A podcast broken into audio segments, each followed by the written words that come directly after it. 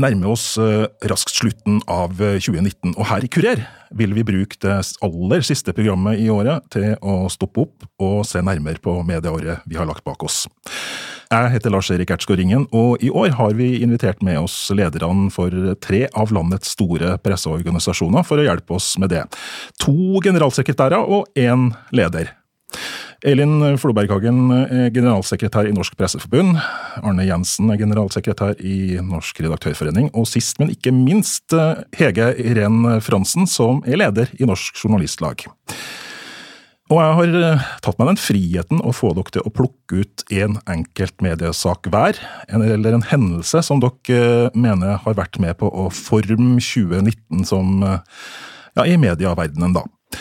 Og den første saken eh, måtte dere faktisk slåss litt om, for det var flere av dere som ville snakke om den. Elin Floberghagen, du vant og fikk eh, velge å snakke om det som skjedde med norske medier etter en fest på utestedet Bar Vulkan i Oslo.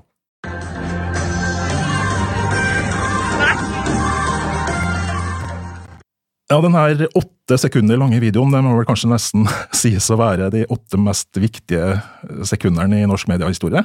De var veldig viktige, og de har vært viktige for diskusjonen i mediene gjennom uh, store deler av 2019. Uh, eh, og det handler om hvordan mediene, journalister og redaktører forholder seg til sine kilder, erfarne og uerfarne. Og den diskusjonen kommer til å også fortsette et godt stykke inn i 2020. Og Hege, du sloss litt med, med Elin om å å snakke om denne saken. Hvorfor syns du den er viktig? Denne saken har vært viktig for eh, alle journalister, fordi den er en eh, god anledning for å eh, tenke gjennom hvordan, og reflektere over hvordan vi møter kildene våre, og hvordan vi sikrer at vi siterer dem på en måte som gjør at de kjenner seg igjen. Og så gir det oss en god anledning til å diskutere innad i redaksjonene hva slags rutiner vi har i, i redaksjonene for å både følge opp intervjuene og hvordan man jobber rundt intervjuene med alle typer kilder. Så det har vært viktig for for, eh, for oss i, i, denne prosessen. Og vi er også glad for at uh, vi satte ned Kildeutvalget, som har gjort et uh, grundig arbeid. Og nå foregår det jo en viktig diskusjon rundt i våre lokallag og rundt i våre redaksjoner på hvordan vi skal gjøre dette på en best mulig måte fremover. Ja, og det, ikke sant, Noe av det aller viktigste som Kildeutvalget peker på i sin gjennomgang, er jo det at presseetikken, sier de, er nærmest er blitt individualisert. Hvilket betyr at uh, de, det de finner, er at det er veldig opp til den enkelte journalist hvordan, og hvilke rettigheter, hvordan man forholder seg til kilden, hvilke rettigheter man gir til kilden osv. Dette må være forvirrende for de som skal forholde seg til, til mediene, og særlig for de uerfarne mediekildene. Mm. Arne Jansen, det her har jo full, ført til en oppvask allerede, særlig i VG, selvsagt, men også ellers i media. Hvordan merker folk som lytter på Kurier nå denne saken, tror du? Nei, Hvorvidt man merker store forandringer i løpet av såpass relativt kort tid som vi snakker om nå, det vet jeg ikke. Men, men, jeg tror det kommer til å påvirke hvordan vi utfører håndverket vårt. Og det kommer til å påvirke også hvordan kilden opplever oss. Det kommer til å påvirke hvordan journalistikken til syvende og sist eh, presenteres. Fordi det som er viktig, og jeg var en av de som eh, i forbindelse med PFUs behandling av saken, var ute og advarte mot å gjøre det til en veldig spesiell sak som bare handlet om verdens gang, og isolere den og gjøre den enda mer ekstrem enn det den egentlig var. Fordi, nettopp fordi at dette er ting vi kjenner igjen fra mange redaksjoner og mange saker. At vi legger ord i munnen på intervjuobjektene og forsøker å få dem til å akseptere utsagn som de egentlig aldri har kommet med, men som vi gjerne vil ha dem til å si eller stå inne for. Det er en type teknikk som er spesielt skummel når du står overfor urutinerte intervjuobjekter som ikke har erfaring med den type spill. Og det å, å bore inn i journalist, det journalistfaglige, som Kildeutvalget har gjort på en utmerket måte, og at dette blir løftet inn i redaksjonene og diskutert grundig hvordan man skal forholde seg til kildene, det mener jeg er et, et veldig viktig, og det, kanskje det viktigste som har skjedd i journalistikken i, i 2019.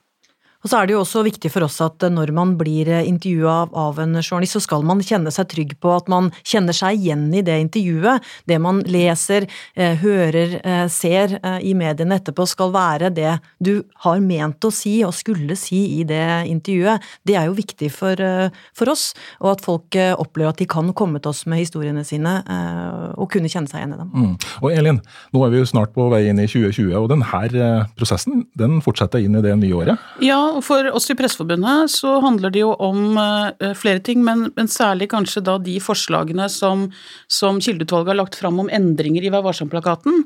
Uh, det er jo en lang rekke. Noe av det uh, Hege nå var innom, en innstramming i sitatpraksis.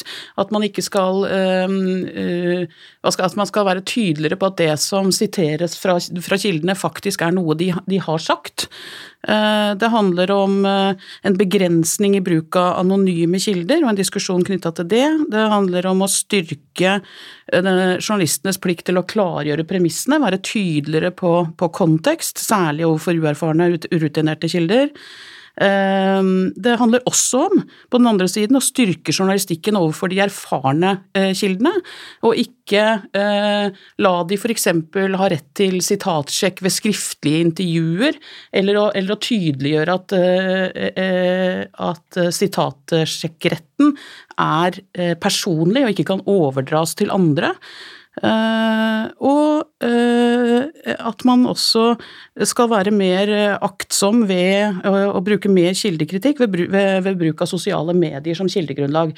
Alle disse forslagene er lagt frem, de, nå, de blir diskutert ute i mediene og i redaksjonene og i lag og foreninger. Og, og da vil det også kunne skje en, en revisjon av varsom-plakaten i løpet av første halvår.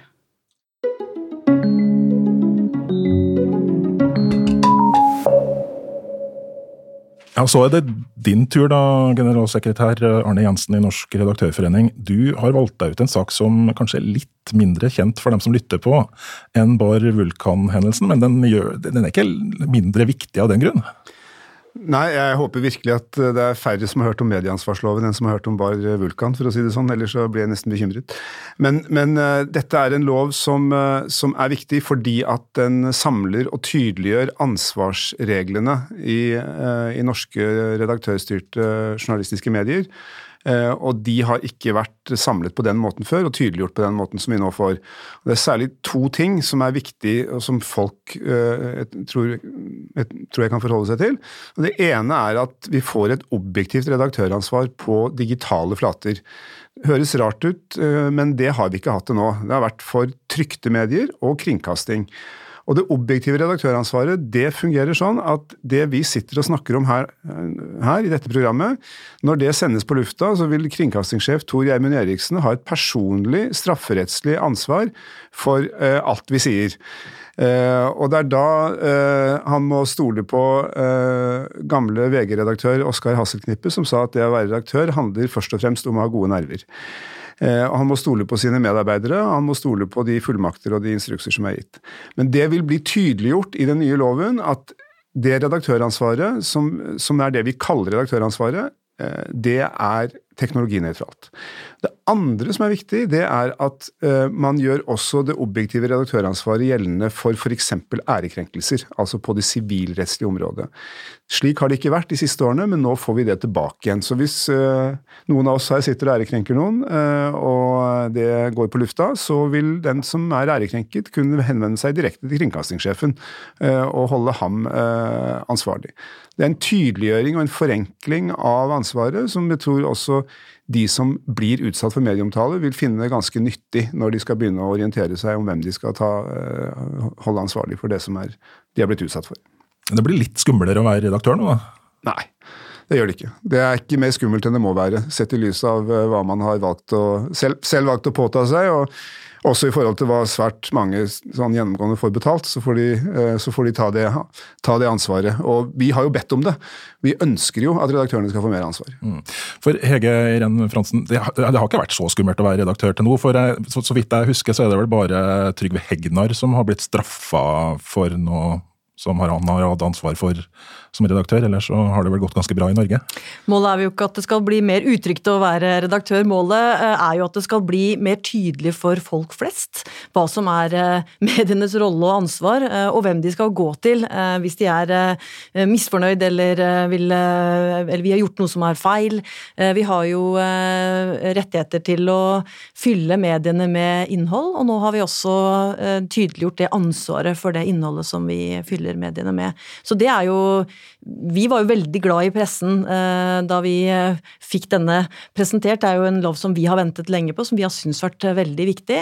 Men de som burde være aller gladest, er publikum, for det er en veldig viktig lov også for publikum. Mm.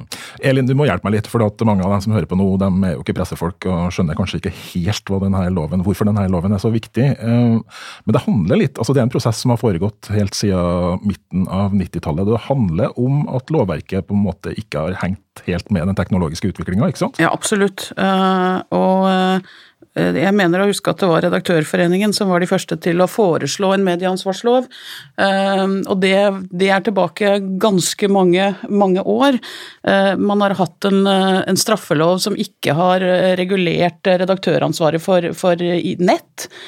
Nettaviser, samtidig som vi har hatt så mange år nå med, med hvor, hvor mer og mer, og nå hoveddelen av det som publiseres, publiseres på nett. Eh, så det har jo hengt etter. Og så har vi jo da, i 2009 så fikk vi mediefridomslova, som regulerte ansvaret som har ligget i, i redaktørplakaten og i Vær varsom-plakaten i en årrekke, nettopp at redaktøren har ansvaret for det som publiseres, og friheten til å avgjøre det. Eller det som ble regulert da, var friheten til uh, å fylle mediet med innhold. Nå kobles det å få en sammenheng med også uh, ansvarsbestemmelser. Så det er veldig bra. Det eneste som mangler i denne, er jo, uh, er jo, det vi har jobbet for, og som handler om at redaktøren burde ha eneansvar for det som publiseres. Altså at han eller hun alene skal kunne stilles til ansvar. Ja, for nå kan journalisten og ja. Ja, rettslig sett. I, i etikken øh, og i, øh, og i Vær varsom-plakaten så, så, tilligger dette ansvaret ene og alene redaktøren. Dette er jo ting som publikum merker ikke, det, det syns ikke. Sånn, man kan ikke oppdage det, eh, sitte og lese spor av det der og der, men du vil se det på journalistikken, tror jeg. Over tid så vil eh, journalistikken og publiseringspraksis vil bli påvirket av dette. Og ikke minst så vil de som opplever seg utsatt for en eller annen form for krenkelse som de ønsker å sjekke ut rettslig, de vil få det enklere eh, med de nye reglene. Eh, og så er det jo for vår del, i den situasjonen vi er i nå, kjempeviktig nettopp å tydeliggjøre sammenhengen mellom frihet og ansvar. Fordi at vi som jobber i, i de redaktørstyrte eh, mediene, ønsker jo å å være tydelig på forskjellen på de mediene og i gåseøyne alt det andre som, som, er av publisister. Og Da er det viktig at vi også tar eh, og er tydelige på har, hvilket ansvar vi har, og hvem som skal holdes ansvarlig. Må, og De tingene må henge sammen. Frihet og ansvar. Frikobler du de fra hverandre, så får du elendighet den ene eller den andre veien. Vil det her gjøre det lettere å skille mellom falske og ordentlige nyheter? Ja, jeg, tro, jeg tror jo det. Eh, og særlig hvis, eh, hvis redaktørene, og det har de begynt å gjøre, følger opp dette nå med å, å sette bumerket sitt på uh, sine egne produkter. Bruke PFU-logoen, bruke redaktøransvarslogoen. Og de merkene som, som vi har laget, oss, som, som, bare kan brukes av de som er, har forpliktet seg, så tror jeg du vil kunne bidra til det. Det anerkjenner jo og tydeliggjør jo journalistikken som metode, og det er jo viktig. At det er noe, noe, annet. Eh, og det krever noe av oss som driver med journalistikk, og det tydeliggjør at det er en metode som, eh, som nettopp skiller eh, fakta fra fiksjon.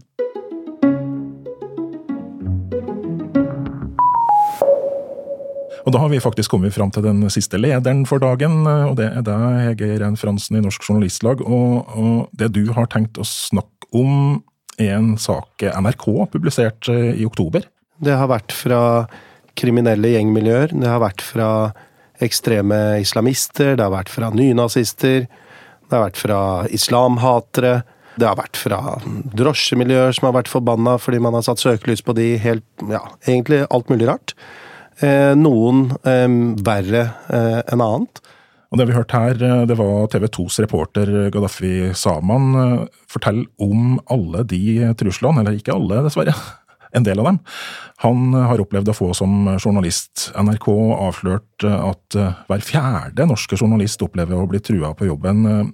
Hvorfor er denne det viktigste saken for deg i 2019, Hege Irén? Ikke fordi det nødvendigvis er flere trusler, men det at journalister trues er noe som er alvorlig. Det er alvorlig for demokratiet, og det er alvorlig for, for folk.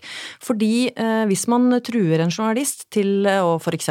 få de til å ikke skrive om saken, om å ikke følge opp en eh, politimann eller en eh, politiker eller noen som har gjort noe som eh, ikke tåler dagens eh, lys sett i dems øyne, så vil jo heller ikke publikum få vite om det som skjer. Og det er det som er alvorlig når det gjelder trusler mot journalister, at vi ser at det kan få en det vi kaller en chilling-effekt, at man lar være å skrive om områder eller saker. Og Derfor har både vi og Redaktørforeningen vært opptatt av at dersom journalister blir trua, så skal det anmeldes.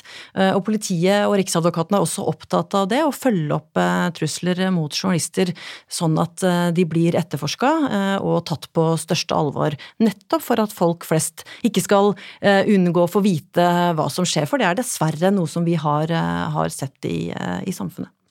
Arne, hvor reell er denne muligheten for en skilling-effekt? Ja, Den tror jeg er høyst reell. fordi og Vi ser jo, vi har ikke nøye statistikker på det, men vi merker jo at det er flere tilfeller av trusler. Eh, og som Hege Irén sier òg, vi har jo jobbet sammen med dette. Vi har laget en felles veileder for redaksjonene, og vi har hatt felles henvendelser til Riksadvokaten for å få pushet på etterforskning av, eh, og, og straffeforfølging av trusselsaker. Nettopp fordi, og det er veldig viktig for, for meg å få, å få sagt, at den enkelte journalist skal jo ikke sitte og kjenne på at dette er noe som gjelder meg. Eh, så selv om trusselen er rettet helt personlig, i det øyeblikket du truer en journalist i en redaksjon, så angriper du hele redaksjonen, og du angriper i realiteten selve journalistikken eh, og de frie mediene. Og, og Den sammenhengen har Høyesterett sett, og, og, og, det har medført straffeskjerping for de trusselsakene som har blitt fremført der. Men det er viktig at vi ser den også hver dag, og at våre medlemmer gjør det. Ja, Vi er opptatt av at man skal snakke om det, og det er viktig å snakke om det. Jeg snakket med hun, eh, Mona Myklebust, journalist i NRK som, som, jobbet med disse sakene. Jeg spurte henne var det vanskelig å få folk til å fortelle om truslene, og da sa hun ja, veldig vanskelig. Flere ville ikke engang innrømme at de hadde blitt uh, trua. Det syns jeg er veldig alvorlig. Uh, så dette er en område som vi er nødt til å jobbe videre med, sånn at vi både får tydeliggjort at, som Arne sier, det ikke handler om journalisten, men journalistikken, og at det er nulltoleranse i redaksjonene. Elin, Norge topper jo lista over eh, altså World eh, Press Freedom Index, heter det på fint. da. Så vi er det mest eh, pressefrie landet i verden. Blir det her, denne undersøkelsen til NRK overraskende oppi det? Jeg vet ikke om han er så overraskende. Jeg tror det som har skjedd, er at eh, Norge har fått en del av det som eh, man internasjonalt har sett i svært mange land, og i økende grad i mange land, hvor, hvor eh, både uh, trusler, men, men, men, også drap på journalister har vært en økende tendens uh, internasjonalt sett. Og i de siste årene også i uh, demokratier nær oss. Uh, og det er jo det er bekymringsfullt. Vi ser at det er gravejournalister, de som avdekker de kritiske uh, sakene, som i størst grad blir, blir angrepet. Uh, vi har en sak nå som mange sikkert har lest om på, på, Malta, som kan se ut som den blir oppklart. Veldig mange blir ikke oppklart. Veldig mange drapsmenn blir ikke dømt. Så dette er jo kjempeviktig, og jeg tror også her at dette er et felt vi må jobbe mer med. Eksempel så finnes det ikke en nasjonal statistikk for, for trusler. ikke sant? Fordi den skal rapporteres inn til det enkelte politikammer. Eh, vi trenger en nasjonal oversikt, så man kan se hvordan problemet faktisk er. I tillegg så har jeg lyst til å si at det er fortsatt en del redaksjoner som ikke anmelder, eh, fordi de har dårlig erfaring med hva som skjer med anmeldelsen, og i enkelte tilfeller har sett at det faktisk forsterker problemet. Eh, så vi må jobbe videre med, med dette feltet, det er ikke noe tvil om at det er et viktig felt det som en del journalister sier til meg, er at uh, gjennom bl.a. Uh, sosiale nettverk så uh, kan det forsterkes, og du kommer lettere i kontakt med, med journalistene. At det kan bli lettere å framsette alvorlige trusler. Så det handler jo for vår del om å snakke med journalister om det, tydeliggjøre i redaksjonen at man ikke skal akseptere det, og at man skal si fra om det og snakke høyt om det. For til syvende og sist så er det jo publikum som ikke får informasjon som de trenger for å kunne delta i demokratiet, og det er jo alvorlig for demokratiet. Paradokset ligger i at vi, på den ene siden så er det ja, vi har mye lettere for å komme i kontakt med publikum eh, og, og høre fra de mener om oss, og det er på godt og vondt. Ja, Vi hører jo at Elin sier at en del redaksjoner kanskje velger å ikke politianmelde fordi at de har dårlig erfaring med eh, hva politiet legger ressurser i. Er det, en del, er det noe mørketall her? Ja, det er det antageligvis. Det er ikke noe grunn til å tro at det ikke er mørketall, selv om vi har er nokså konsekvente, både vi til våre medlemmer, altså redaktørene, og sier at reelle trusler, eller trusler som oppleves som plagsomme, eh, bør anmeldes. Eh, og så er det, jo, eh, er det jo en vurdering som må gjøres i den enkelte redaksjon, og den må gjøres i samråd med den journalisten som er utsatt for, for trusselen, hvordan man håndterer det. For det, det, kan ikke være sånn at det blir overstyrt heller. Eh, men redaktørene bør eh, forsøke å legge til rette for at trusler kan anmeldes og etterforskes og følges opp og få en konsekvens. Eh, men, men, det finnes jo litt ulike versjoner her også. Eh, det er variabler som, som, ikke vi kan vite om i hvert enkelt tilfelle. nødvendigvis. Det viktigste er at eh, man har gode rutiner i redaksjonen, at man har snakket om at man vet hva man, skal, hva man skal gjøre, og at man også er tydelig på at det er ikke noe du skal akseptere. Det er ikke sånn at de tøffe gutta og jentene tåler noen trusler eller to, fordi det gjør noen ting med deg. Når du blir trua, så blir du redd. Sånn er det, og da kan det gjøre at du velger bort saker og lager lager uh, saker om andre temaer eller om andre områder, uh, og det er, er, alvorlig. Og vi ser jo den undersøkelsen som NRK sjøl gjorde i forbindelse med, med, disse sakene som de la ut, at det er flere redaksjoner som velger å ikke anmelde. Det er også flere journalister som har blitt trua som ikke har fortalt om det til sjefen sin, som først forteller om det i, i den undersøkelsen, og det er noe vi må fortsette å, å jobbe med de neste årene. Arne, hvor vanskelig er det å være redaktør oppi det her, når du har en journalist som blir trua? Nei, Det varierer sikkert, men jeg tror det er selvfølgelig vanskelig å håndtere trusler. Det er vanskelig for redaktører når journalistene deres eh, blir forsøkt uh, truet til taushet. Og det er jeg helt enig med, med Hegir igjen. Det er klart, ja, man kan si at vi skal ikke la oss påvirke. Men det er jo ikke, vi er jo mennesker alle sammen, og, og, i et yrkesliv når du oppdager at du kan velge mellom å gjøre noe som hvor det er høy sannsynlighet for at du kommer til å få masse ubehageligheter. Eh, eller du kan gjøre noe som også er spennende faglig, men som ikke medfører unnskyld, de samme ubehagelighetene. Så er det jo ikke så rart om, man, eh, om noen trekker mot det siste. Eh, og da er det jo nettopp viktig at redaktørene står opp og er tydelige på at de oppdragene som vi har, de skal vi gjennomføre. Men det skal ikke være slik at det er den enkelte journalist som må bære dette alene. Eh, og nettopp derfor så er det å ha rutiner, det å ha snakket om ting, det å være tydelig på ting. Og så må man håndtere hvert enkelt tilfelle når de kommer opp, men det, men det må være noen, noen tydelige budskap fra redaktørene oppi dette. Er straffenivået godt nok i Norge, eller er det kanskje litt for lavt? Det er i hvert fall viktig at det blir eh, fulgt opp. Det er veldig viktig at det blir etterforska, og at det blir tatt på alvor eh, hos eh, politiet når det blir anmeldt, og at ikke det blir raskt til henleggelse.